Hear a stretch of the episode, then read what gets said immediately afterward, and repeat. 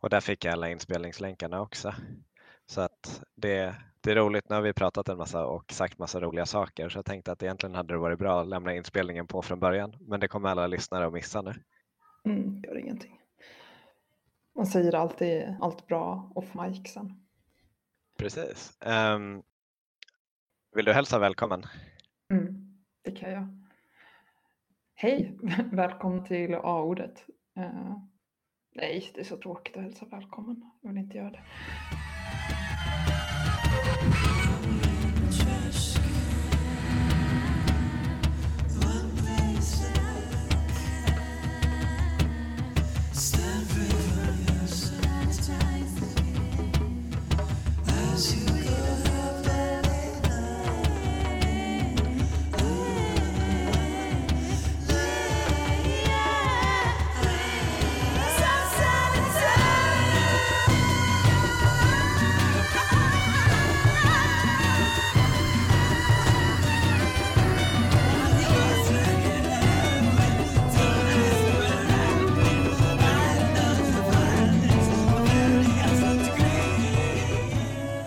Vi har haft ett litet uppehåll, eh, men nu kom krisen och vi kände eh, behov av att köra igen. Vi ska prata om corona, för det finns ingenting annat att prata om. Ingen har pratat om någonting annat än corona i, i eh, hur länge som helst. Jag och Jonathan började eh, prata om att planera avsnitt eh, och jag sa att det inte gick att prata om någonting annat än corona, så här är vi. Eh, och för att det inte ska se tomt så tog vi med oss vår fina vän Jonas. Vill du säga något om dig själv? Jag heter Jonas Lundström och eh, bor i Brickebacken i Örebro tillsammans med eh, eh, en livskamrat och eh, ett numera tonårsbarn, eh, en ungdom och den andra har precis flyttat ut. Och eh, jag är författare och aktivist brukar jag säga. Ja, det är väl den korta. Och vi, vi tänkte på dig för att du har eh, skrivit en del och gjort lite dagbok under, under liksom tiden som corona har spridits och smittat folk. Eh, vill du säga någonting mer om det? Eh, ja, det började inte riktigt så, eller jag, det var mer något som jag märkte att eh, det började utveckla sig till en, i en viss riktning. Jag eh, tror att det handlar ju mest från början om min eget mitt eget sätt att bearbeta det här på. Ni sa att det, är det enda man pratar om och det är lite olika tycker jag. Alltså en del vill ju helst inte prata någonting om det eller inte, undviker nyheter och sådär. Det, känns, det känns ganska olika. Andra pratar väldigt mycket om det och jag har varit en annan som har gått in i det här ganska mycket. Och eh, det har väl varit mitt sätt att förhålla mig till det på något sätt. Eh, att lyssna och läsa och sen börja skriva eh, reflektioner och så småningom blev det att jag började skriva varje dag Eh, en liten text eller dagboksreflektion om eh, vad som pågår och mina känslor och också lite så här det politiska läget och, eh, och så. Eh, men den, den lite, det sättet att hantera det, eller för mig låter det som att ett jättetydligt före och efter, alltså hur, hur man pratar om coronasituationen blir så här, som du formulerade varje dag, 21 dagar efter händelsen. Liksom. Eh, vad tänker ni två? Och nu är det inte så här bara till Jonas utan till båda två. Så här, tänker ni att det så här, är det tydligt före och efter? För jag tycker det är så svårt med proportioner kring allt det här. Eh, för det finns så många berättelser rullning samtidigt. Jag vet inte om det här finns ett före och ett efter som är tydligt eller om det är en mindre händelse och att kapitalismen liksom kommer studsa tillbaks och liksom anta en liknande form igen lika smidigt. Eh, vad är era tankar om det? Vill du börja Jonas? Ja, det kan jag göra. Eh, nej, jag håller med om frågan. Jag tycker att det känns oklart. Känslan just nu är ju väldigt mycket att eh, ja, jag, jag, kallar det för situationen sådär. Och eh, så känns det ju väldigt mycket. Det känns som att vi lever. Jag upplever det som att jag lever i något som jag inte har, har, har levt i tidigare och att det vad som än kommer ut av det här, att det här är någon slags eh, brytpunkt eller någonting kommer hända med världen som vi känner den. Men eh, så har man kanske känt förut i stora kriser också. Eh, jag kommer inte ihåg, ja, men det var väl lite samma känsla Eh, I varje fall kring nyhetsförmedlingen så 2001 tänker jag. Och det finns säkert de som har levt längre har säkert varit med om det tidigare också. Och sen så har vi ju en tendens att vilja återgå till det normala och att eh, ja men som du säger kapitalismen och den rådande ordningen kickar, kickar igång igen. Men jag vet inte, jag, jag, jag tycker ändå det känns som att det här har gått väldigt djupt, väldigt fort på ett sätt som är väldigt svårt att se hur det skulle kunna gå tillbaka utan att det har hänt någonting med, med samhället på något sätt. Eh, jag var en av dem som, eh, som tänkte att det här är ju bara liksom en, en eh, lite jobbig förkylning eh, och tyckte att hela situationen kändes ganska överdriven tills, tills det började bli mer och mer påtagligt och nu känns det verkligen som att jag får ta en dag i taget. Så jag vet inte, jag skulle börja jobba på måndag egentligen och jag vet inte om jag kommer kunna gå tillbaka till jobbet för att, eh, för att jag kanske måste sjukskriva mig en period för att jag inte är symptomfri och så vidare. Så att det är ju en, det är en ganska speciell situation där, där både i det egna livet och i samhället i övrigt så tar man liksom en dag i taget för det kommer nya bud hela tiden, det är nya utvecklingar hela tiden. Eh, det är lustigt Jonas att du nämner 2001 för det, det var en tanke som jag pratade om med, med en person som vi bor med i häromdagen att eh, just att det här känns som en nästan större händelse än 2001 och World Trade Center och det förändrade ju verkligen eh, världen i grunden på något plan. Även om liksom kapitalismen inte, inte störtades så ledde ju det fram till, till liksom att fler människor var tvungna att fly och uh, hela den utvecklingen. Så att det blir väldigt intressant att se vart det här tar vägen.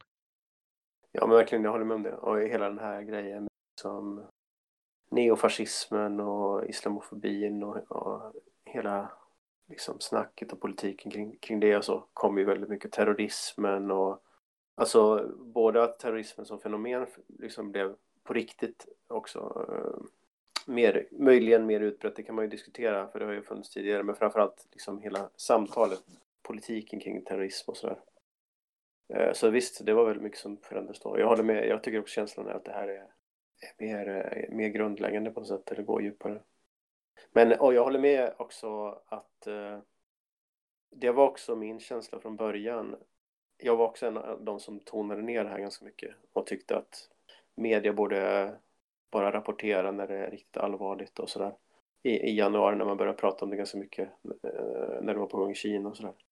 Egentligen för mig var det, det var rätt sent. Det var ju i princip, alltså när Italien, det var tydligt att det skulle bli ganska stort Italien och Italien började stänga ner den här regionen och så.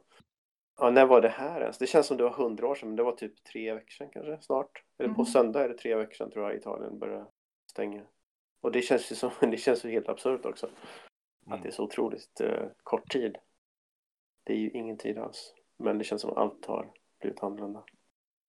Jag tänker också, eh, när, alltså när vi nämnde 9-11 och eh, jämför, jämförde det här med terrorism, tänker jag också på så här hur det pågår, alltså olika samtal eller det har ju skett i, i många europeiska länder så har det varit rent så här auktoritära metoder som används för att, att uh, avgränsa och bekämpa smittan, säger man, liksom, och gör man. Uh, medan Sverige har haft en mer typ tillit och eh, uh, folkvett uh, linje liksom. Men jag tänker mycket på så här när den här lastbilen körde in i i Åhléns eh, för, för ett par år sedan. Och, eh, Sverige hade sitt eh, terrordåd. Liksom. Eh, då hade vi också så ett spontant, eh, liksom, hela Stockholm visade solidaritet på olika sätt. Folk, butiker delade ut gratis mat, folk hjälpte varandra att komma hem och sprida information och sånt där. Men sen, där, eh, jag nämnde det för att jag eh, bildar kedjor om det i, i ett poddavsnitt och jag blev påmind om det. Och det, det, är jättelikt liksom. Och samtidigt eh, så kom det ganska snabbt efter när folk hade varit så här, Åh, vi har, en så, vi har ett så bra och snällt och humanitärt sätt att, att hantera den här hemska situationen på. Vi håller ihop, det blir bra. Och sen ganska snabbt efter så kom det politisk repression liksom. Mm, mm. Eh, och eh, det tänker jag så här, samtalet om hur, alltså hur vi typ i Sverige pratar om hur vi gör i Sverige och att det är bättre liksom om det kommer kunna hålla i sig på det här sättet eller om det, så här, om det ganska snabbt kommer bli liknande åtgärder i Sverige som det är till exempel i Danmark nu där man, eh, jag läste någonstans att där överväger de att, att eh, gå över och köra smittspårning genom att spåra mobiltelefoner liksom. Och Mm. att ha olika formulär där man kan anmäla folk som man tror har corona typ. Eh, det där var ingen fråga, men eh, Nej, men jo. Alltså, jag vet inte hur mycket man vågar gissa nu heller i det här skenet för det får ångra sig sen om, om sex dagar eller någonting. Då är världen helt annorlunda kanske. Men eh, jag tänker väl att om eh, situationen eskalerar ganska snabbt i Sverige, vilket det antagligen kommer göra, så kommer väl tryck, det politiska trycket också öka på regeringen och Folkhälsomyndigheten att eh, anpassa sig mer till den här eh, hårdare linjen eh, som finns på många andra ställen. Eh, och sådär. Sen återstår det att se hur, hur mycket de sätter emot då och så. Men eh, jag tycker, alltså en intressant sak med det här har ju varit att även i, ja, men i, i, i kretsar där jag rör mig, liksom så här, så här typ djuret och vänster vänsterfolk allmänt, anarkister och sånt. Alltså, jag har ju mycket andra bekanta och sådär också, men jag har ju ett speciellt öra eh, till vad de, de eller vi säger. Men även där märker jag att det är ganska delat så här, på hur man förhåller sig till det här och vad, vad, alltså, det finns många som tycker olika saker om folkhälsoperspektivet och så här. Och det kan snabbt också bli ganska alltså, konflikter och så. Jag har flera, jag har bråkat med flera personer om eh, sådana här saker som där, där, med människor som jag annars brukar vara ganska överens med. Men så plötsligt så tycker man ganska, väldigt olika och det kan bli ganska så här infekterat snabbt. Infekterat, ja. tänker du att det är Eh, för att det blir personligt så snabbt? Eller det är svårt att vara liksom, objektiv på något sätt? Ja, jag vet inte, jag vet inte riktigt vad jag... Ja, alltså jag kanske tänker att uh, den här typen av kriser... Ja, om jag får dra in någon teolog i det här också, det vill jag väl ni som håller på med sånt. Uh, men uh, jag tror att det är baptistteologen James McClendon som har skrivit om övertygelser och åsikter, om jag minns rätt. Är det någon av er som har koll på det här eller?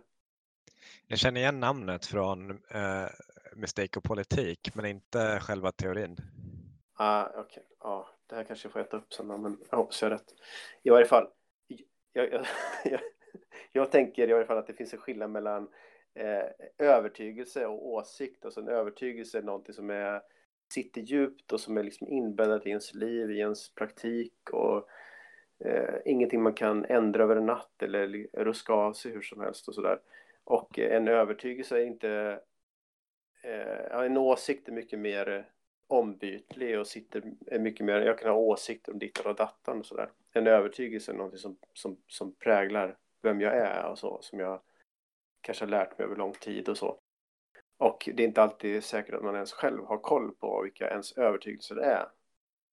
Men då Mm. tänker jag att en eh, sån här situation, en krissituation när det verkligen kommer nära mig själv, då, märk, då märks det tydligare vad folk egentligen har för so sociala, politiska, religiösa övertygelser. Alltså vad, Mm. inte bara så här säger man eller bekänner man sig till, utan vad tror man på egentligen liksom.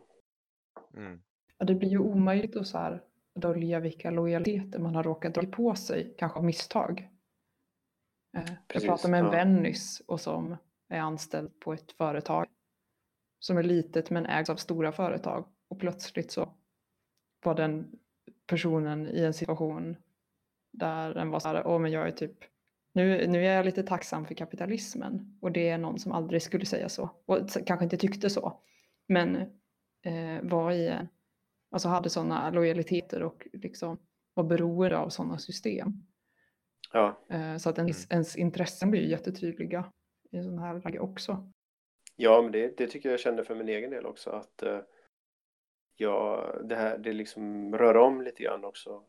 Det är kanske därför också jag började reflektera och skriva och sådär och försökte göra det ganska alltså jag har försökt förhålla mig ganska öppet till det. Jag märker också att det, ja, det här kanske förändrar hur jag, vad jag själv tänker och tycker om saker och ting och så. Ja, men det rör om. Jag kan, jag kan känna att det är lite konstigt så här, för att jag tycker egentligen att den svenska regeringen har agerat rätt rimligt. Att det har varit liksom eh, så här att man har lagt väldigt mycket vikt vid, vid liksom forskning och experters åsikter snarare än att göra det som det som det liksom skriks högst om att, att det ska göras just för tillfället. Och det kan kännas lite konstigt liksom som anarkist att backa regeringens ställningstaganden. Och där, eh, alltså, um, jag kan tycka att jag lite hamnar i så en konservativ person där jag så lyfter fram att man inte ska göra några snabba och ogenomtänkta åtgärder utan bara det som verkligen funkar och så här, ta det, sitt lugnt i båten, inga eh, men, men eh, där jag också har hört liksom röster som, som ropar på mer auktoritära tilltag där man liksom har varit lite imponerad av det som Kina har gjort till exempel. Och, och det här som Alice nämnde tidigare med, med eh, övervakning genom mobiltelefoner i Danmark eh, och så vidare. Det är saker som, som Kina var först med så att säga. Så att det är någonting som Danmark har eh, importerat i så fall. Um, men vad tänker ni om det? Liksom, är, det är det här ett läge där, där en får liksom vara lite tacksam för att det finns myndigheter som kan vara en tydlig auktoritet och sätta ner foten? Vad nej, för tvärtom snarare. Eh, jag kan känna att jag blir lite onödigt eh, eh, patriotisk nästan när, när, jag kan säga, när jag blir så här, ja men jag tycker att det är rimligt att eh, rekommendationen är ansvar, inte, eh, inte ett hot liksom eller och jag tror också att det är nyttigare för att alltså, hade det varit förbjudet då hade man smugit för att inte, und alltså att inte undgås att upptäckas. Mm. Men det känns ju lite pinsamt när man försvarar, försvarar det för, för passionerat. Men det är väl också för att det följer forskningen och det känns ju rimligt. Ja, det beror lite på vilken forskning man lyssnar på också. Sådär. Men, eh... Ja, det har du säkert bättre koll på. Jag har läst på ganska lite. Mm. Ja, nej, men, jag, men jag, jag håller med också det ni säger. Jag tycker mitt utgångsläge är ju alltid så att jag hatar Sverige typ och framförallt så här svensk eh, exceptionalism, att vi skulle vara så himla mycket bättre. Alltså det är avskydd av hela mitt hjärta liksom och har så här, tycker att jag ägnat många år åt att bekämpa det. Men nu känner jag så här, heja Sverige! det är liksom en jättekonstig känsla. Jag liksom skäms lite över det. Det är nästan så här, idag jag, jag skojar med någon och sa så här, jag hoppas, för det, det var någon, någon kamrat som skickade sms till mig att nu ska polischefen, vad det nu var för någonting, och statsministern ha presskonferens. Då pratade vi om vad, vad kommer, nu kommer det en så här repression. Och då sa jag först så här, jag hoppas att det inte blir utgångsförbud och sen så skickade jag sms lite senare och ändrade mig och sa att nej, men jag hoppas att eh, Sverige kör på samma linje liksom, som alla andra så inte jag behöver heja på Sverige längre. Pinsamt.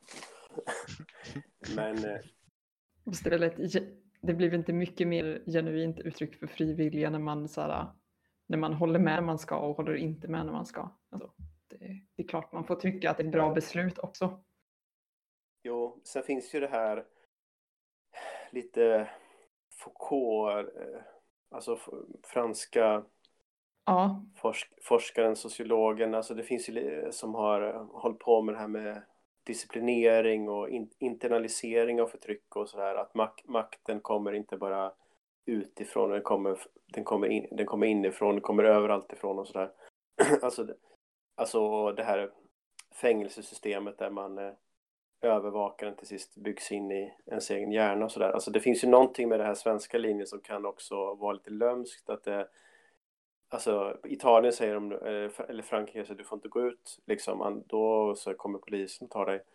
Och i Sverige är det så här, men du ska känna själv liksom att det är, att det är fel på något sätt.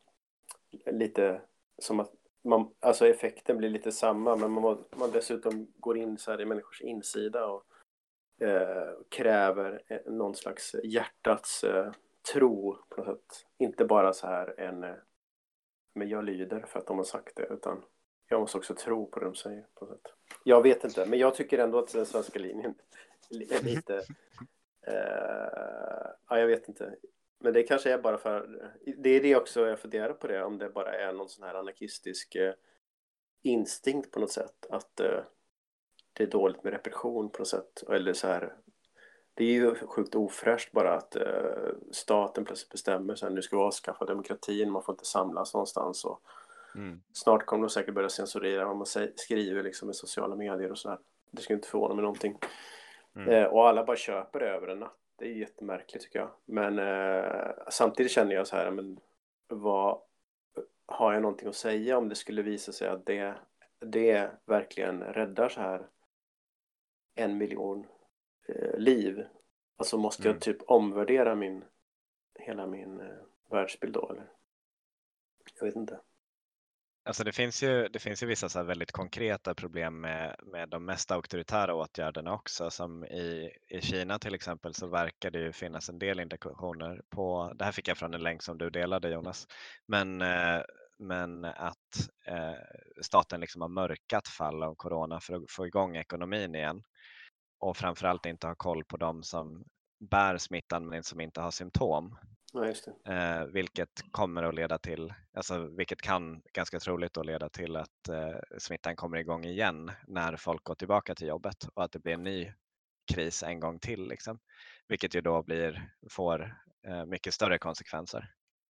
Just det, det var en artikel i The Guardian tror jag. Ni kanske kan lägga, brukar ni lägga lite länkar och så efteråt? Ja, men absolut. Ja, för det var inte bara någon sån här obskyr snubbe som jag som sitter och gissar så här i sociala medier. Jo, det, men det, jag, jag, förra fredagen så ägnade jag ganska mycket tid åt att läsa den här brittiska forskningsrapporten eh, från Imperial College som har eh, väglett den eh, brittiska regeringen. Den är ganska kort, den är bara 20 sidor, men jag satt med den i princip hela dagen och lusläste den och försökte förstå vad de säger och, och de, de driver då den här tesen att det, finns, det finns två alternativ, antingen så eh, försöker man platta ut kurvan men räknar med att typ de flesta kommer bli smittade eh, och så. Och då, då menar de att i det scenariot så kommer det dö 250 000 personer i Storbritannien. Och eh, vårdkapacitet kommer överstigas åtta gånger och sådär. Det är ett ganska dystert eh, scenario. Och eh, då förespråkar de det andra alternativet som handlar om att man måste trycka ner smittspridningen så att den går ner under Alltså att varje person smittar mindre än en person så att man helt enkelt trycker bort smittan. Eh, men problem, alltså själva liksom, lite twisten i det där var att gör man det där, alltså ganska väldigt repressiva åtgärder då, typ social distans i hela samhället, alltså karantän i princip. Eh, gör man det i fem månader, vilket kan låta som en ganska lång tid, och sen sluta med det, då kan man få, menar de, en eh, senare peak som är ännu brantare och i värsta fall värre än om man inte hade gjort någonting. Så då, deras slutsats är då att då måste man göra det här ända tills dess att eh, det kommer ett vaccin som kommer ta minst 12 till 18 månader enligt dem om det vill sig väl. Och igår hörde jag en forskare på, nej inte forskare utan eh, någon från eh, läkemedelsindustrin eh, någon samhällspolitisk chef där som sa på e- Ekot att han trodde det skulle ta mellan tre och fem år att ta fram ett nytt vaccin. Och, då, och de brittiska forskarna de menar att man ska, man ska gå den vägen då. Så de förespråkar liksom, och de säger själva i den här rapporten att vi vet inte vad de sociala och ekonomiska kostnaderna av det här är. Det har, inget, det har inte vi räknat på, det vet inte vi. Och det har aldrig prövats förut. Och det, blir inte, det är inte lätt liksom. Men de förespråkar ändå det alternativet. Men om man dessutom tänker sig ett ännu längre tidsperspektiv, då, då menar folk då i så fall att man ska typ stänga ner samhället och ha diktatur så här i flera år. Och då känner jag bara, nej men det, alltså vem tror, det är väl ingen som, nu kan ju de ha fel då. Poängen är i varje fall att det kan se bra ut det kan se ut som att politikerna är handlingskraftiga när de bara går in så här och gör, förbjuder två personer att träffas och låser in alla i, i hemmen och sådär. Då ser det ut som att de gör någonting och så trycker man ner smittan och det kommer man antagligen verkligen att göra ganska effektivt. Men eh, det är ju inte klart med det för att det mesta tyder på att det här, den här kommer finnas kvar ändå om man inte fortsätter med det här ända tills dess att det kommer ett vaccin och kan vaccinera alla som potentiellt skulle kunna bli smittade. Typ. Eh, så att vi har inte facit bara för att Kina har, har tryckt tillbaka smittan lite grann nu. Det behöver inte betyda att de har gjort något bättre än Sverige till exempel. Så det, det, kan vi, det ser vi först om något år eller så, kanske två. Och sen, sen är det ju intressant att de inte går in på de sociala och ekonomiska kostnaderna för att det blir ju plötsligt, alltså där kan man ju bara spekulera i vad det skulle innebära att liksom samhället går på sparlåga i, i flera år. Um, för vissa personer måste ju fortfarande gå till jobbet men andra kan ju liksom jobba hemifrån eller kanske inte kan jobba under den perioden. Ehm, uh, jag vet till exempel Österrike har gjort så att, att bara de absolut nödvändigaste yrkesgrupperna får gå till jobbet. Och just att sitta instängd i en lägenhet i flera år, det blir ju, då blir man ju galen till slut. Liksom.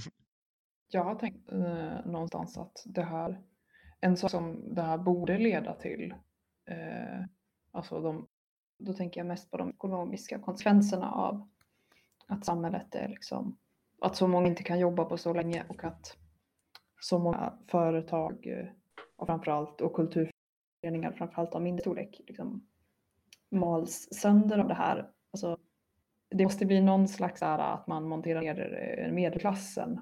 Liksom, eller framförallt så är det ju underklass som drabbas mest av det här eftersom att de kan välja. De måste gå till jobbet och bli sjuka. Men eh, att det, kom, det kommer inte kunna vara lika vanligt att ha typ, eh, ett eh, ett, ett jobb med någonting medelklassigt liksom.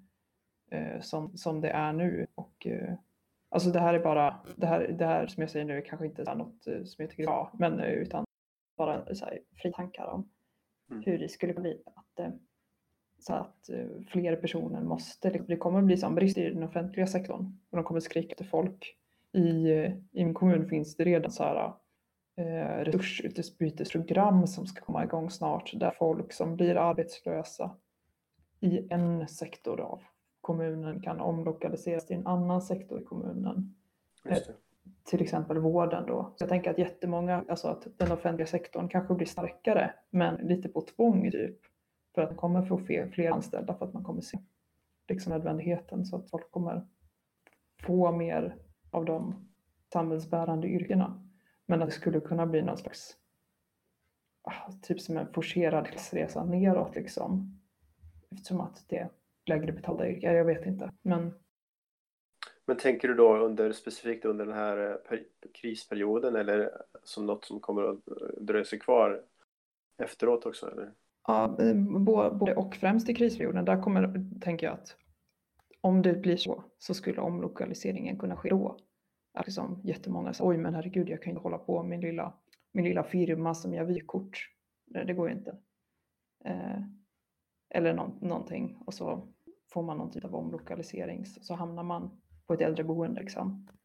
Mm. Eh, som något slags vårdbiträde liksom. Och så efteråt så bara oj men det är ju lågkonjunktur, jag kan inte starta upp mitt företag igen. Det är bäst jag utbildar mig till undersköterska, blir kvar där liksom. Eh, Just det. Och jag vet inte om jag ens, alltså, och jag är jättekluven. Jag vet, jag, det finns någonting i det här scenariot som jag gillar. Eh, och eh, jättemycket som känns fruktansvärt. Därför att det är ju eh, de minsta aktörerna, liksom, de minsta enheterna ja, som kommer försvinna. Ja. Det lilla företaget som lokalt gör print på den här lilla grejen. Medan det här stora oligarkföretaget kommer bli kvar. Så att... Exakt. Ja. Mm. Samtidigt som vi kanske kunna, kommer kunna få en starkare offentlig sektor för att man kommer tvingas inse att det behövs. Jag tänker att det kan ju också bli permanentat på grund av att ekonomin kommer ta lång tid att återhämta sig. Liksom. Och har det varit väldigt stora behov i vården så kanske folk får liksom behålla sin anställning i vården där de har fått en, en tjänst som vårdbiträde efter att ha jobbat som kurator i skolan. Liksom. Och, och då kanske den situationen blir liksom permanentad på ganska lång sikt av nödvändighet snarare än att, än att det sker nödvändigt eller medvetet på något sätt. Mm. Mm. Men nu killgissar vi om framtiden väldigt hårt, jag vill bara säga det. Ehm, men, eh, men vi funderade på om vi skulle göra det ännu hårdare och så här fundera på om, om det här är liksom, eh, nu ser man vissa sårbarheter i samhället som som att eh, toalettpapperslagren inte är oändliga och så vidare. Eh, men är det här början på kollapsens slut? Eh, på något sätt att, att eh, nu, det här kanske inte är någonting som samhället på, ens på lång sikt pallar. Liksom. Vad tror ni? Nej, jag vet inte. Jag, jag är lite benägen att tänka mycket på kollaps och har gjort det i ganska många år egentligen. Eh, så att jag får ta mig själv med en nypa salt. Liksom. Men, eh, men jag har definitivt tänkt i de banorna att det här kanske... Jag tycker inte alls att det känns orimligt att tänka sig att... Eh, om, man, om man tänker som David Jonstad, liksom att kollaps är... Eh, men handlar om att eh, komplexiteten i ett samhälle reduceras kraftigt fast över ganska lång tid. Det kan handla om, historiskt har det handlat om kanske en hundraårsperiod eller något sånt där. Och han har, nu var det länge sedan jag läste honom, men han, han menar väl att eh, i princip att vi är redan inne i det där. Mm, han har ju den här, eh, vi har redan, det är ett sluttande plan, men det sluttar ganska, inte så, inte så eh, drastiskt. Nej, just det. Men han menar väl att vi typ är inne i kollapsen nu, eller? Mm. Ja, alltså jag menar, jag menar inte virustider utan, utan överlag. I varje fall så har jag tänkt att eh, det, det här skulle kunna eskalera det, men jag har också tänkt så här på att uh, jag, jag, tror inte, jag tror verkligen inte att politikerna och eh, andra makthavare, ekonomiska makthavare, de har ingen koll på hur pass mycket stryk civilisationen tål. Och vi, vi har ju idag ändå, vi har en civilisation, det visar ju coronakrisen om inte annat, att vi sitter ihop, allt sitter ihop liksom. Och eh, sådana här liksom centrala system som, som måste finnas idag, som typ internet, eh, elproduktion och Eh, alltså det finns ingenting som säger att det där tål hur mycket stryk som helst. Eller att det är någon som vet exakt vilka, vilken press som kommer hamna var någonstans i systemet och vad det får för effekter och sådär. Det känns, jag tror inte, absolut inte att det kommer bli så, men det känns heller inte som det skulle bli, vara helt orimligt om allt bara skulle knasa ihop liksom. Slockna. Mm. Vad, vad tänker du Alice?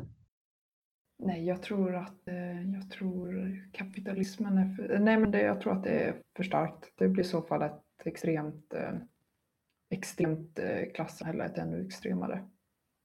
Eliten gömmer sig någonstans och så är det resten av resten av samhället som, som det slocknar för. Mm. För det vi, det vi inte har pratat om det är ju liksom vissa röster som pratar om att det här, är, det här visar att, att det behövs mer demokratiskt inflytande över ekonomin och att eh, som börjar prata i termer av, av att eh, det skulle behövas liksom mer av en socialdemokrati, kanske till och med på global nivå med liksom konkreta solidaritetsmekanismer mellan länder eller någon slags katastrofsocialism för att kunna liksom styra ekonomin eh, väldigt strikt för att kunna göra de åtgärder som behövs, typ tvinga företag att producera respiratorer eller, eller vad det nu kan röra sig om. Liksom. Mm. Och det kan, ju också, det kan ju också kännas som ett eh, ganska jobbigt dike att hamna i av helt andra anledningar. Ja, vad man än väljer så blir det ju auktoritärt. Det är lite tråkigt. Mm. Var det så du menade eh, Jonathan? Ja, ja men precis. Um, och det finns ju alltså till exempel vissa av ekonomerna som varit inblandade i eh, senaste Davos-mötet pratade om att det skulle behövas demokratisk socialism uh, för att typ rädda kapitalismen Aha. i den här tiden och det var innan corona då. Samtidigt kan jag tycka jag har tänkt på att jag tidigare har tänkt väldigt mycket så här att staten och kapitalet sitter i samma båt och det där att, att det liksom är de är så inflätade i varandra så det är oskiljbart och sådär. Men jag tycker ändå, det har lite, det är en sån här tes som jag har haft som jag, som jag ifrågasatt lite grann nu under de här veckorna. För att det känns som att eh, staten och politiken gör en massa saker, eller initialt i alla fall har gjort en massa saker som är så här inte alls bra för det kapitalistiska systemet. Det är ändå olika aktörer här på något sätt. Och det finns en spänning på något sätt mellan eh, staten och kapitalet. Eh, ja, som är intressant liksom och ändå på något sätt, eh, även om man är anarkist så, här, så är det ju ändå en användbar spänning och där det, det spelar, spelar roll vem som det spelar lite roll hur de maktförhållandena ser ut ändå trots allt. Och så. Alltså jag tycker också att det känns som att det är lite läge så här att jag gillar att det kommer mycket sådana där inlägg nu om vården och att det kanske inte är så bra att bara sälja ut eh, allting och, och sådär. Alltså att, att trycka lite grann på de knapparna. Det känns som det är läge att göra det nu också innan det kommer en massa krafter åt andra hållet. Sådär. Det finns en öppenhet för det ändå nu. Uh, ja. Tycker ni jag låter reformistisk nu här? alltså, jag tänker väl också att det är viktigt som anarkist att ha en, ha en liksom realistisk analys av, av staten och kapitalet och deras relation till varandra. Alltså det, det blir inte en, det blir, den bästa analysen är inte den som, som liksom svartmålar och ondgör sig enbart utan också kan se liksom de, de positiva sidorna. Och jag tänker väl att jag är i alla fall inte alls negativ till att göra saker gemensamt eller genom offentliga medel och så vidare utan, utan det är mer på vilket sätt det organiseras och på vilka villkor som jag har åsikter kring. Men, men sen så tänker jag också att en hel del av, eh, av de här spänningarna, alltså kapitalet säger också till staten att göra en massa saker och ha en massa önskemål och, jo, jo. och krav på staten. Och en hel del av åtgärderna som har gjorts har ju också varit liksom svar på de åtgärderna. Absolut, jag tänker bara att den initiala responsen visar att politiken och eh, de kapitalistiska företagens intressen inte alltid är exakt samma. För politiken har liksom bara drämt till så här. Och liksom kapitalet är bara, vad, vad händer nu? Eller så här, vad gör ni för mm. någonting? Vad håller ni på med? Så här, mm. så här får ni inte göra. Hade staten verkligen varit i ett kort koppel från ekonomin, då hade de inte kunnat göra en del saker. Nej, jag menar det. Alltså det, här, det här var ju inte det ekonomiska att göra från början. Mm.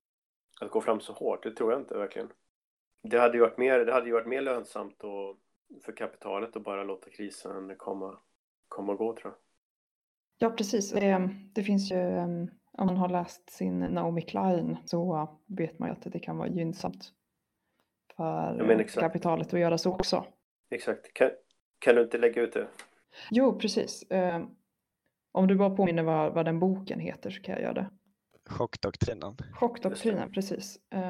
Som Naomi Klein skrev, där hon beskriver hur både stater och att man har använt katastrofer har blivit liksom som en språngbräda för nyliberala förslag och, eh, och reformer. Alltså till exempel efter att eh, stormen Katrina svepte in över Orlando. Är det det rätt uh, Nej. New Orleans. New Orleans. Eh, så passade, eh, passade liksom styret i den staden på att privatisera skolorna medan det var folk eh, höll på liksom inte hade mat och rent vatten och det var to totalt kaos eh, för de mestadels svarta delen av befolkningen som, som blev kvar i, i stan. Liksom. Eh, och att det, i förvirringen så händer det väldigt mycket spännande saker liksom, och att den nyliberala rörelsen har utnyttjat det extremt hårt och framförallt i samband med katastrofer. Ja, just det. Katastrofkapitalism, är det, är det hennes begrepp? Ja, precis.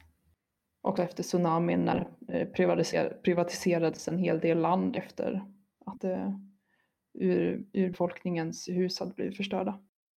Mm. Ganska mycket. Jag undrar, jag undrar om det är därför som Bromma sjukhus säljs till eh, investment eller fastighetsbolaget Vectura just nu. Ja, det är säkert, säkert. De passar på. Men det är i alla fall en del som bråkar om det. Men eh, det är också, där önskar jag att man såg sin potential. Det är väl just när en sån svinig sak är på väg att hända. Alltså hade sjukvårdspersonal i det här pressade läget strejkat i tio minuter bara så hade man ju, eller jag menar, man har verkligen makt i den pressade situationen. Eh, även om det är otroligt läskigt och farligt för människor att göra så. Men Eh, jag tänker också i de eh, undantagstillståndsbeslut och inskränkningar i mötesfriheten som har skett. Alltså även om eh, när, när plötsligt helt, helt vanliga och till hittills självklara rättigheter stryps in och beläggs med straff så blir det också lättare att göra någonting som retar staten och som sätter press på folk och eh, det, det är ändå någon typ av utrymme som, eh, som går att använda. Det blir högre, higher stakes för alla liksom. Att göra någonting. Så blir det också effektivare samtidigt. Är ni med på hur jag tänker? Mm, kanske.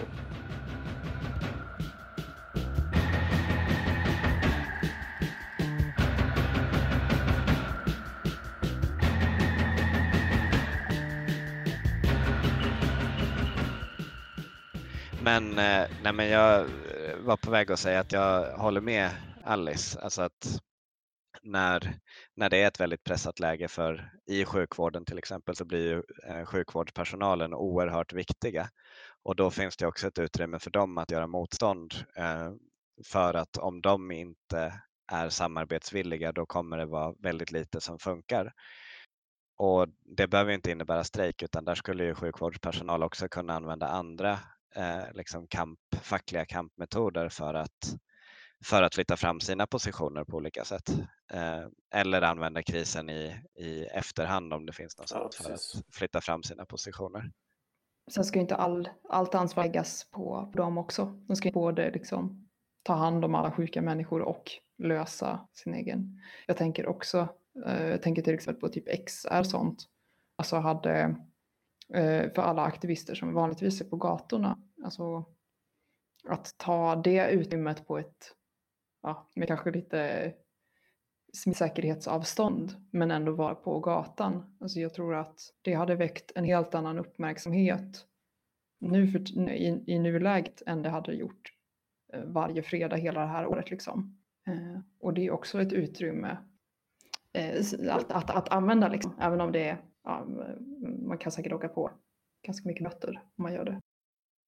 Men tror du inte att det hade att folk hade blivit väldigt, väldigt förbannade bara över det? Det beror på hur man har gjort det. Alltså jag tänkte mycket på det här att, att, att typ göra olika, om man skulle göra typ en, en eh, demonstration som bygger på att man är på en väldigt stor yta, med ganska få människor. Ja. Och ställer upp sig liksom, där man är tydlig med att men vi har ett det här är ett säkert avstånd och vi är på en, på en plats som utomhus. Ja, precis. Så att om man följer alltså... liksom grundmålet som är inte smitta dina medmänniskor som du bryr dig om. Ja, ja. Men också målet att göra din röst hörd och större. Nej, men jag tror, jag tror absolut vi måste börja tänka i de banorna, speciellt om det det spelar ingen roll det här, om det nu här skulle vara så att det är över på tre fyra månader så då skadar det inte att ha tänkt på det här innan ändå för andra annan typ av repression som kan komma längre fram och sådär. Det skulle ju också kunna, det är ju ett, ett av flera scenarion att det här fortsätter fram och tillbaka under flera års tid tills dess att vi får ett vaccin. Och då eh, kanske inte Sverige specifikt om vi får en väldigt bred smittspridning här men, men eh, på andra ställen då behöver man ju liksom laborera med sådana här saker. Alltså vi kan ju inte ge upp all fysisk organisering tänker jag. Eller det, det vore ju förödande tror jag, att göra det. Eh, och bara liksom gå över till någon slags nätaktivism. Alltså vi måste ju vara, vara där ute också. Speciellt som det finns ju, det har jag tänkt på en del som håller på med djurrättsaktivism och sådär. Vi har ju, jag har hållit på ganska mycket med slakterimotstånd de sista åren. Och även gjort en del grejer nu under den här eh, perioden. Och då är vi ju små grupper, vi har varit så här fyra, liksom fem personer som är utomhus och man kan, man kan välja hur man håller avstånd och hur man hälsar på varandra och sådär. Men då står man utanför som jag gjorde förra veckan någon stor, alltså Katrineholm där de slaktar 200 000 kycklingar varje dag och jag vet inte hur många som jobbar där men det är ju hundratals alltså, människor som jobbar där och de samlas där och står liksom samhället förväntar sig att de ska stå där, vid de där i den där vidriga arbetsmiljön vid de där banden och, och liksom blodet stänker och så. Där ska de, det är viktigt att de samlas till det liksom. Och eh, då tänker jag, då måste vi kunna samla fyra personer eh, utanför och göra någon slags eh, intensivt motstånd. Alltså för det är ju inte så att det allt ställer in i samhället. Det, det här är ju ändå prioritering som man gör. Alltså vissa saker tycker man är viktigt och så. Och där måste ju vi som är aktivister eller samhällskritiska eller anarkister eller vänsterloviga feminister och så. Vi måste ju fatta att vi har inte samma prioritetsordning som de styrande har helt enkelt. det blir också ett tydligt exempel på att de, alltså på motsatsen, liksom att de styrande inte har samma prioritetsordning som vi och kanske inte tycker att samma saker är viktiga som vi. Alltså att, att man är beredd att liksom ta risken att hålla, hålla slakterier öppna i det här läget till exempel. Ja, men jag vet, ja, det är det, precis det jag menar. Och, så. Mm. och då, ja. Speciellt som eh, smittan eller smittorna som spridits tidigare versioner också med sars och sånt också kommer från djurhållning. Eh, det är så Exakt. otroligt viktigt att lyfta ju också att så här, kan inte ha en djurhan- på, i stort kan vi inte ha en djurhantering som ser ut på det här sättet. Det bygger upp för pandemier liksom har många, eh, många personer påpekat. Och jag har inga källor för att jag kommer inte ihåg saker. Nej, men det finns, eh, det kan vi också, det kan vi lägga till också. Nej, men en nättidning, det finns en nättidning som heter Anlib som hade en eh, intervju med en eh, det här ska jag kanske inte ens gissa på vad han var för någonting men det var någon slags, det kanske var en professor eller någonting i möjligen någonting som har med epidemier att göra. Inte en epidemiolog, ep, ja du vet. Epidemiolog. Oj, Säg det snabbt, fyra gånger. Kom igen. Det var någon som hade broderat eh, det här ordet med alla de olika stavningar som har hörts. Det var väldigt roligt tycker jag. Det Eh, var Björn Olofs Olsen, professor i infektionssjukdomar. Vårtköttätande orsakar pandemier. Jaha, jag trodde det Exakt. var han som hade broderat. Bra. Ja, jag tänkte också det först. Det Förlåt. hade ju varit väldigt nice. Brodera Det sin det de egen titel Man felstavat. vet ju hur de är på Folkhälsomyndigheten. De sitter och broderar hela dagarna. De, de bryr sig ingenting om det här. De vill bara att alla ska dö. Exakt, exakt. Eh, Okej, men han, han skrev, inte broderade. Det var den och det var också ett väldigt bra, jag lyssnade precis för några timmar sedan bara på Apans anatomi. En podcast där de pratade, in, Per-Anders Svärd och Mattias Våg pratade om Eh, lite om eh, mm, pandemins eh, bakgrund och, och mycket om det kapitalistiska produktionssättet och sådär. Och där eh, var de också inne en del på det här med djurhållningen och, och så. Mm. Eh, vi har snackat i en timme snart. eh, men vi funderade lite på så här, vilka, alltså kan det finnas några frihetliga öppningar på något sätt på grund av det som sker just nu eller det som händer? Eller liksom några nya, det har vi varit inne på lite, men några nya möjligheter till motstånd. Mm. Jag vet inte, det känns som att man backar så mycket. Eller det, det är kanske bara jag. Men, men Alltså det jag tycker, är- ja, säger Alice. eh, prepping, jag tänker att prepping skulle kunna bli stort. Eh, det pratade jag också Bilda kedjor mycket om. Att, eh, eller de hade ett Ja, avsnitt sist om, om att vänsterpreppa. Mm. Eh, och den, den typen av saker. För det är ju typiskt så här anarkistiskt eh, eh, one-on-one så här, eh, organisera dig lokalt.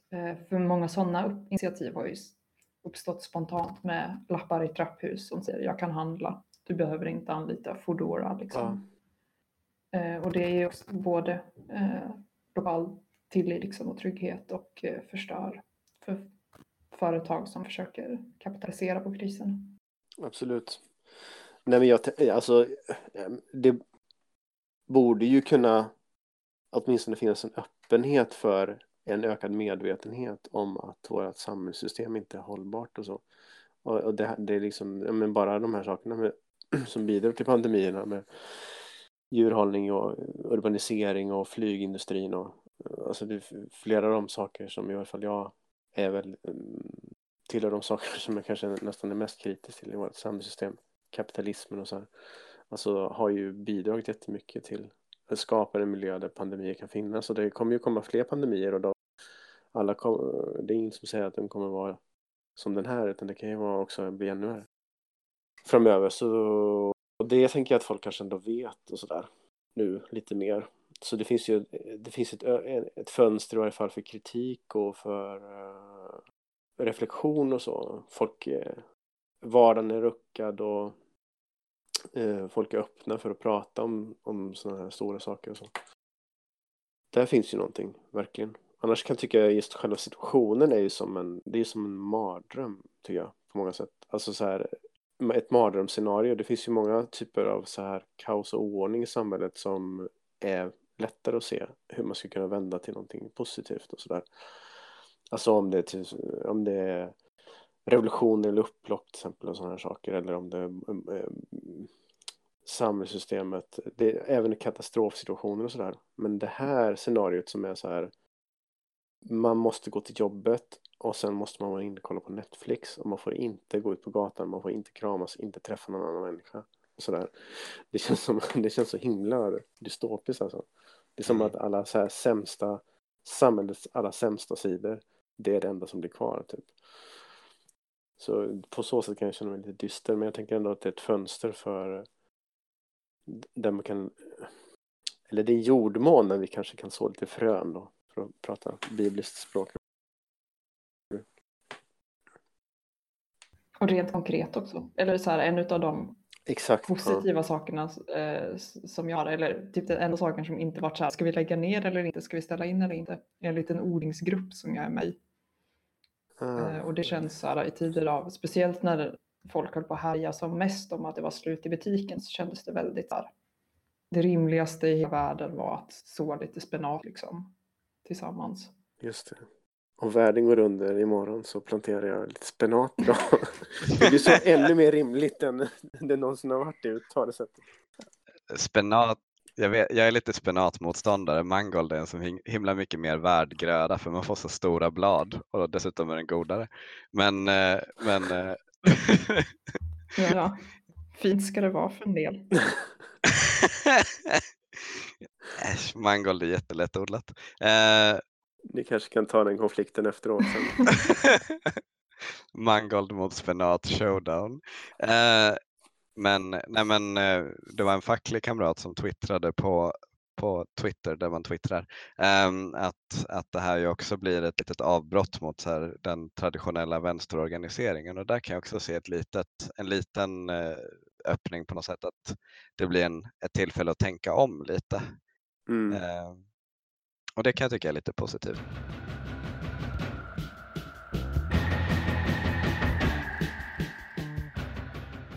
Ja, jag vet inte vart det stannade någonstans, men jag hade ett resonemang som skulle leda fram till att eh, jag har funderat en hel del på liksom, typ strategi och mål eh, den senaste tiden. Alltså varför, varför är den engagerad och på vilket sätt och vad leder det fram till och så vidare. Och det kan ju vara bra saker att typ diskutera nu mm. via diverse distansverktyg och så vidare. Eh, kanske inte Discord eller Skype som, som inte är så himla säkra, men det finns ju alternativ. Mm. Jag tycker det finns en, en, någon slags ömhet som väcks eh, i den här situationen också mot varandra. Alltså jag tycker det finns, det finns både lite lynchmentaliteten, så här folk som nyser på bussen och sånt som de vill döda typ och så. Det finns lite den, men det finns också ganska mycket så här att lite mer, folk är lite mer toleranta, hälsar lite varmare på varandra. Man, är, man pratar lite mer med grannarna, erbjuder mer tjänster, man tänker lite mer på sina anhöriga, ringer lite fler personer och så det är säkert olika men jag, generellt så tycker jag det finns lite sådana tendenser som jag tycker är mm. ganska hoppingivande också. Så. Ja, det blir lite lugnt också. Folk slutar göra onödiga saker. Alltså som är mm. Eh, genuint onödiga. Och mm. alltså klimatet får väl en liten vilopaus. Det är svårt att veta hur lång den blir men det är ju också, det har varit väldigt bra för i alla fall min klimatångest att, så här, att se på, där stängde Västerås flygplats. Yes, ja. det kändes fint. Ja, vem vet, det flyget kanske aldrig kommer på fötter ordentligt igen. Det, det är ju ett helt möjligt scenario, speciellt om vi kickar in med lite, lite aktivism eh, kring flyget specifikt efter coronakrisen här och så. Mm. Det, det, är inte säkert att de reser sig ur det här. Det är ju verkligen ett tillfälle att slå mot Ja, de var ju svaga redan innan också. Ja, jag menar det. De var ju på knäna redan innan. De är också delaktiga i det här. Alltså, det hade ju ja. inte gått mm. så, så fort det här. Det hade inte eskalerat på alls samma sätt. Man hade kunnat förbereda sig mycket mer. Det kanske inte ens hade fått den typen av spridning om inte det hade varit flygindustrin hade varit så himla stor och man, så. Mm. Flygindustrin är ju det som möjliggör att det liksom sprids från liksom Kina till Italien väldigt snabbt ja. utan att liksom gå landvägen och passera en massa andra ställen. Men eh, det här var ju deppigt. Men, men det är ju bra liksom. Ja. Jag tyckte det var ett bra samtal, eller det känns som att vi fångade stämningen. ja. Nu pratade vi ingenting om kyrkorna, men det kanske bara jag som är ointresserad. Och bara, ja, ja. Nej, men, eh, jag försökte, alltså- få- jag försökte så in lite, tyckte jag, lite, lite kristen tematik här och där, men har ingen som snappar, snappar upp den. Nej. Nej, eh, det var ett bra försök. Ehm, nej men det, det jag tänkte på, jag läste den där frågan igen för att vi hade funderat på att prata om så här, typ motstånd eller möjligheter inom kyrkoorganisationerna. Men på något sätt så känns det så eh, som att det liksom är så irrelevant. Men jag tycker de prata är exakt likadana som i alla andra sociala grupper. Det är bara så här. Det spelar väl ingen roll vilken, vad du kallar din sociala samlingsplats. De är ju också, det är samma förutsättningar. Mm. Eller? Alltså en, en skillnad är väl att det finns, nej men jag tänkte på, sen, jag vet inte exakt hur kyrkorna här i stan gör, men det finns ju de som har jobbar med smågrupper och sådär. Eh, som man kan tänka sig om man, om man har baserat sin församling ganska mycket på det, så då kan man ju fortsätta ganska länge att träffas i smågrupper eh, också, i varje fall nu. Och då har man en, en naturlig mötesplats och sådär som återkommer hela tiden och sådär. Det vet jag inte riktigt om man inte har arbetet, om det finns något som motsvarar den typen av... Alltså, jo, det finns ju det, men Ja, men Det det, finns sant, men det där med kanske är ett större, större kluster. Din förening du är aktiv i kanske inte kör. Men din grupp på sju personer kör. Ja. Nu avbröt jag dig, förlåt. Nej, men precis, men jag tänker att det finns någonting också med det här existentiella, att man är en grupp som samlas kring livsfrågorna på något sätt, inte bara så här träffas och spela golf eller någonting. De kommer man kanske inte att bygga vängrupp med under kollapsen och sådär. Men det kanske finns en viss chans att vissa av man kanske kan göra det lite lättare med så, den typen av grupper och så. Ja, jag vet inte, nu börjar vi prata om nya ämnen här, vi skulle, det skulle vi inte göra. Du, du skulle bara säga vad vi inte hann med, eller? Ja, men det var bra att vi kom in på det också. Nej men alltså jag, jag vill inte heller säga att kyrkorna inte gör någonting viktigt alls för att det finns ju jättemycket verksamhet kring att vara ett stöd för människor som känner sig ensamma och isolerade till exempel. Mm. Och det är ju det är väldigt viktig verksamhet. Eh, utan det är nog mer att jag önskar att, att eh, kyrkorna kanske hade varit en, en eh, institution som, som hade en kapacitet att göra någonting positivt i det här läget eller liksom mer offensivt i det här läget. Som men det har ju att göra med min, min personliga bild av vad kyrkan borde vara. Liksom. Ja, och då tänker du, vad skulle de göra då, tänker du? Um, nej men att, att kunna lösa mer av, eller vara mer tydliga aktörer i eh, ömsesidig hjälpinsatser till exempel. Ja, okej. Mm, mm. Jag tänkte att vi kan avsluta med att eh, med Mikael Grenholms lista över de fem värsta kristna responserna till coronaviruset.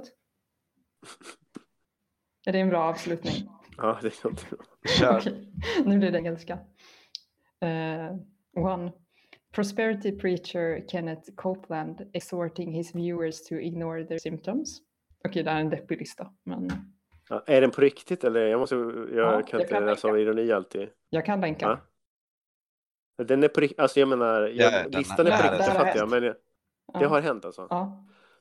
Åh. Eh, två. Televangelist uh, Diony Bayes telling Norwegian viewers that their children will be immune to the virus if they donate 200 dollars. Tre.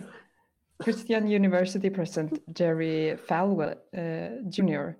claiming that the coronavirus is a North Korean bioweapon, the purpose of toppling Donald Trump. Du har fler eller? Ja, det är två till. Jag kör dem också. Uh, four, members of a South Korean church literally spraying the coronavirus into each other's mouth. Det vill jag veta hur det går till. Alltså jag, jag har läst det här. Ehm, det var alltså någon idé om att, eller en tanke om att eh, de skulle spraya välsignat saltvatten i munnen på varandra för att liksom som någon slags skydd mot, mot smittan. Problemet var bara att de inte rengjorde munsty- munstycket på sprayflaskan emellan eh, och det var en i församlingen som hade corona och då Nej. blev det ju liksom att de oavsiktligt sprayade corona i varandras munnar. Um, De bar ju varandras bördor i alla fall. Men nu tar vi den sista. Just ja. ja. Uh, mega church pastor Guillermo uh, Maldonado telling his church to pack the pews and die for Christ. Ja, det var mörkt. Det var ju väldigt mörk avslutning. Det var ja, ju ännu mörkare Det var, det var tråkigt. jag skulle skippa den sista. Förlåt, jag läste inte i förväg. Nej, men jag menar hela, hela den här listan var ju väldigt... Eh... men det är lite galghumor och det måste man ju... Jo, ja, precis. jag vet, men det finns ändå liksom på riktigt. Man blir väldigt deprimerad av det tycker jag. Men det kanske också blir någon slags eh, eh bottenkänning. Att, mm. Ja, det blir inte värre än så. Nej. Ja, men ja. tack för att du ville prata med oss eh, och förlåt för den här otroligt deppiga avslutningen. Jag tänkte att det skulle bli roligt, men sen glömde jag att verkligheten är jättetråkig. Nej, det var roligt, men, men skrattet fastnade i halsen. Ja. Ja. Uh, alla kristna lyssnare, var bättre än så här. Uh, så tar vi oss igenom det här. Ja, just det. Precis. Det här är inte bara salt och ljus. Nej, vi kan slå fast det. Ja, ja men tack att du ville vara med. Uh, mm. Och trevlig helg på er. Tack.